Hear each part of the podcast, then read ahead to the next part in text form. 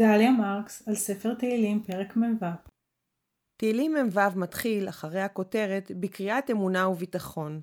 אלוהים לנו מחסה ועוז, עזרה וצרות נמצא מאוד, והוא מסתיים בקריאת ביטחון ואמונה. אדוני צבאות עמנו, משגב לנו אלוהי יעקב סלע. אני רוצה להקדיש את הלימוד שלנו למילה אחת, סלע. כילדה דמיינתי את סלע, סל"ה, ניצבת כסלע, סל"ע, במזמורים ובפסוקים. מעוז ומשגב ומקור ביטחון סלעי קמאי.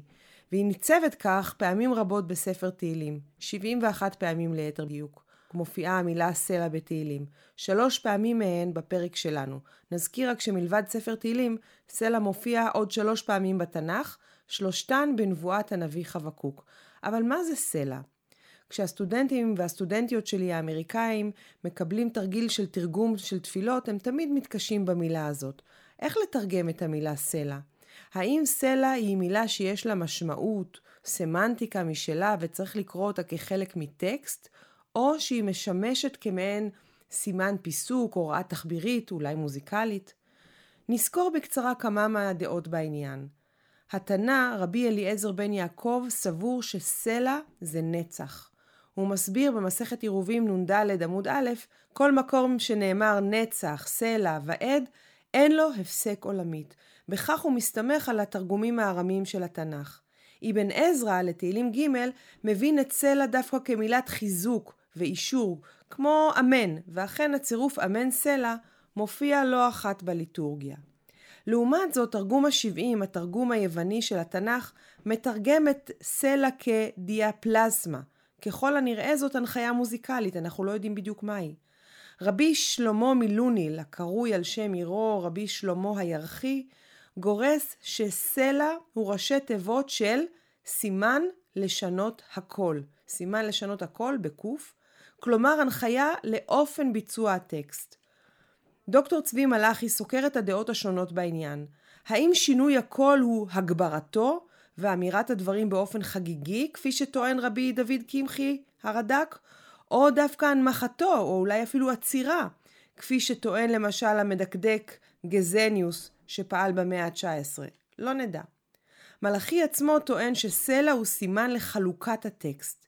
והנה במזמור שלנו, תהילים מ"ו, יש בו 12 פסוקים. המילה סלע מופיעה בסוף הפסוקים ד', ח' וי"ב, וכך היא מחלקת את המזמור לשלושה חלקים שווים, כל אחד מהם בין ארבעה פסוקים, וכל אחד מהם מסתיים במילה סלע. וממה גזורה המילה סלע? אמרנו שאנחנו לא הצלחנו לפענח אם זו הוראה מוזיקלית או שיש לה משמעות אה, סמנטית, יש דעות שונות בנושא, אבל ממה היא גזורה? מאיזה שורש? היו שהציעו את סלסל או סלל במובן של סולם או מסלול, אולי מסלול עלייה, אולי סלסול הקול, או מן השורש סל"י שקשורה אולי לסוף או כיליון, או אולי לתוף שהיה לו צורה, שהייתה לו צורה של סל שהיו מכים בו בתפילות. ואולי דווקא יש לגזור את סלע מהשורש צלה, כלומר התפלל בארמית. השורש הזה מוכר לנו מתפילת קדיש תתקבל למשל. כשאנחנו אומרים תתקבל צלות הון ובאות הון, התקבלו התפילות והבקשות. או מן המילה צליין במשמעות של עולי רגל. דומה שלא נוכל להכריע האם מדובר כאן במילה שיש לה משמעות וסמנטיקה משלה, או במילה שמסמנת דרך הגייה או פיסוק. אני נוטה לאפשרות השנייה, ולכן אני מציעה לתלמידיי לא לתרגם את סלע, פשוט להשאיר אותו ככה. ומילה אישית, הקלטת הלימוד הקצר הזה לתהילים מ"ו היא גם אבן דרך בעבורי באופן אישי, כי בו אני משלימה את ההקלטות של השיעורים הקצרים במיזם 929 לספר תהילים.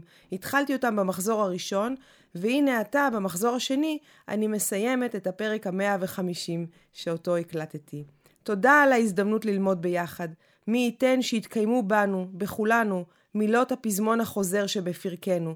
אדוני צבאות עמנו, משגב לנו, יעקב סלע. אמן סלע.